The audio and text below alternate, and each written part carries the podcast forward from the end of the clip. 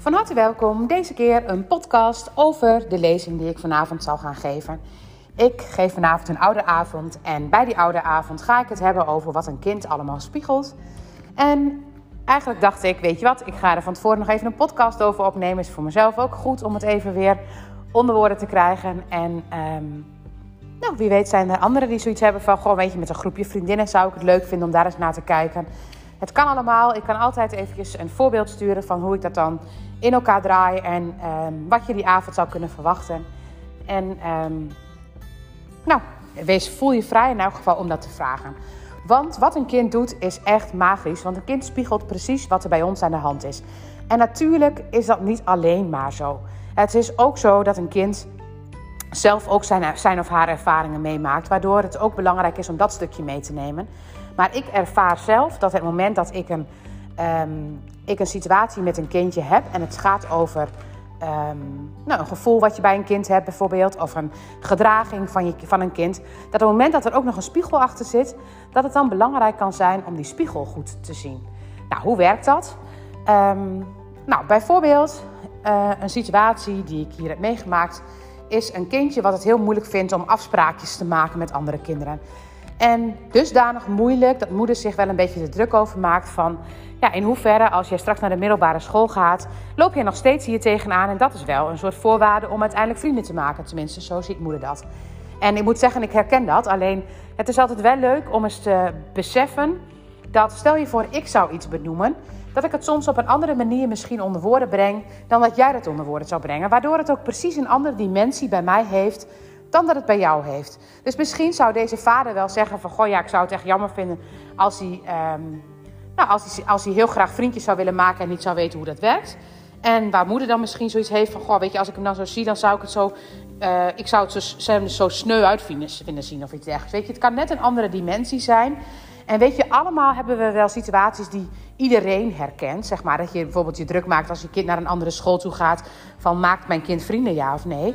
Maar het moment dat je uh, het onder woorden brengt, heeft toch elke vader of moeder net een andere woordgebruik, waardoor het net een andere betekenis gaat hebben. Nou, in dit geval stel je voor het zou gaan over het kind wat moeite heeft met afspraakjes maken. Dan zou ik natuurlijk het kindje zelf zeg maar, kunnen kijken van, goh, weet je, waar zit het thema? Maar stel je voor een kind spiegelt dat ook aan de ouder. Dan kan ik wel het kind proberen daarin te veranderen, het gedrag proberen te veranderen. Maar als het een spiegel is, dan heeft het op een andere manier ook nog nut. Dan wil het ook iets aan ouders laten zien ten aanzien van vrienden maken.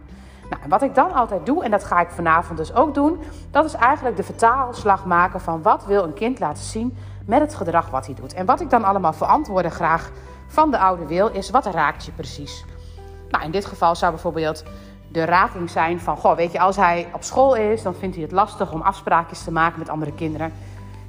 En daarom uh, is hij wel eens net buiten, pist hij naast de pot, zeg maar. Is hij net te laat met vragen van een vriendje, want dan heeft het kindje al iets afgesproken. Of dan staan we bij het hek en dan kan het ene kind niet. En dan durft hij eigenlijk niet zo goed te vragen aan het andere kindje om te gaan spelen. Omdat daar bijvoorbeeld een ouder bij staat. Ik denk dat iedereen die situatie wel kan begrijpen. Maar um, het moment dat je dit zo vertaalt, dan hoef ik het niet te begrijpen. Dan moet ik gewoon vertalen wat er op dat moment aan de hand is. Dus ik vraag dan aan ouders, kun je een voorbeeld noemen? Nou ja, het voorbeeld noemde ik net al. Om vervolgens, maar wat is dan, wat verslechtert de situatie? Ja, als ik het steeds ga pushen, dan wordt het alleen maar erger van. Dan wordt hij er boos van. En wat verbetert het? Nou, eigenlijk verbetert het als hij gevraagd wordt door iemand. Als hij door iemand gevraagd wordt, dan zie je hem daar een soort van bij um, opfleuren, zeg maar. Zie je hem daarin veranderen. Dus het moment dat je op die manier ernaar kijkt, dan weet je ook al van wat zou helpen en wat helpt dus niet. Nou ja, je kunt niet altijd regelen dat iemand um, jouw kind steeds gaat vragen. Dus het is belangrijk om dan te weten van, goh, weet je, wat zou je daar dan zelf aan kunnen veranderen? Nou, als je zo al de vragen beantwoordt, beantwoord al die, dat klinkt alsof het er heel veel zijn, maar dat valt wel mee. Maar als je dan de antwoorden op die vragen hebt, dan is er nog één vraag belangrijk. Wat zie je bij je kind als hij hier tegenaan loopt? Nou, deze moeder zei, ik zie een onzeker jongetje. En dan gaat het dus over het onzekere in jezelf. En dat is eigenlijk de truc. Want stel je voor, ze zou zien Um, ik zie een, uh, ja, in deze situatie kan ik niet zo heel veel anders bedenken. Maar het zou bijvoorbeeld een boos jongetje kunnen zijn. Of het is wel een pittig jongetje. Of het is wel een kindje zeg maar, die um, heel temperamentvol is. Ik zeg maar wat. Maar stel je voor, je zou er een andere betekenis aan geven. Dan gaat het ook over een ander kindsdeel. En op het moment dat het over het onzekere gaat, gaat het over het onzekere van deze ouder. het onzekere in deze ouder vindt het lastig om afspraakjes met anderen te gaan maken. En eigenlijk was het ongeveer anderhalf jaar aan de hand. Eigenlijk gelijk met de coronaperiode. En daar herkende ze een situatie in dat ze het dus lastig vond om afspraakjes met anderen te gaan maken. Omdat ze het eigenlijk wel ehm, graag wou. Ze had er wel echt heel erg behoefte aan. Maar ja, het moment dat je zeg maar, in de coronaperiode zit, dan heb je niet zo heel veel contacten met anderen. Terwijl ze daar wel behoefte aan had. En ze merkte ook, nu de coronaperiode dan het meest voorbij is, merkte ze ook dat ze ehm, nou, dan wel eens het gevoel had dat zij niet echt gevraagd werd voor, voor, um, voor afspraakjes, zeg maar. Dat, een, nou, dat, ze dan, dat ze dat wel eens miste. Dat ze ook echt leuk zou vinden als iemand haar iets zou vragen. Zij deed het dan elke keer wel zelf. Maar eigenlijk had ze zo'n verlangen dat ze een keer gevraagd zou worden. Ze werd er onzeker van dat ze dan zelf niet gevraagd werd. En ik kan alles, kan het helemaal voorstellen. Alleen het grappige is, dit kind spiegelt hetzelfde. En wat zou je dit, bij dit kind dan kunnen doen? Dit kind werd echt heel blij als hij dan gevraagd zou worden. Nou, wat moeten we dan eigenlijk doen? Zorgen dat mensen weten dat je daar wel eens last van hebt, dat je dat wel lastig vindt. En misschien zou je voor jezelf eens kunnen voelen hoe onzeker je daar eigenlijk van wordt. Want het moment dat jij als ouder net doet alsof je daar niet onzeker van, werd, van wordt, dan gaat je kind het spiegelen. Dus het moment dat je bijvoorbeeld net doet alsof je niet boos bent, en je doet net alsof je heel blij bent, dan gaat je kind heel boos worden.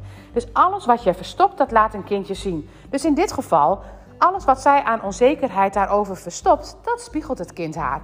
Dus het moment dat jij van jezelf dat niet meer hoeft te, die, dat onzekere gedrag van jezelf niet meer hoeft te verstoppen, dan gaat een kind dat spiegelen.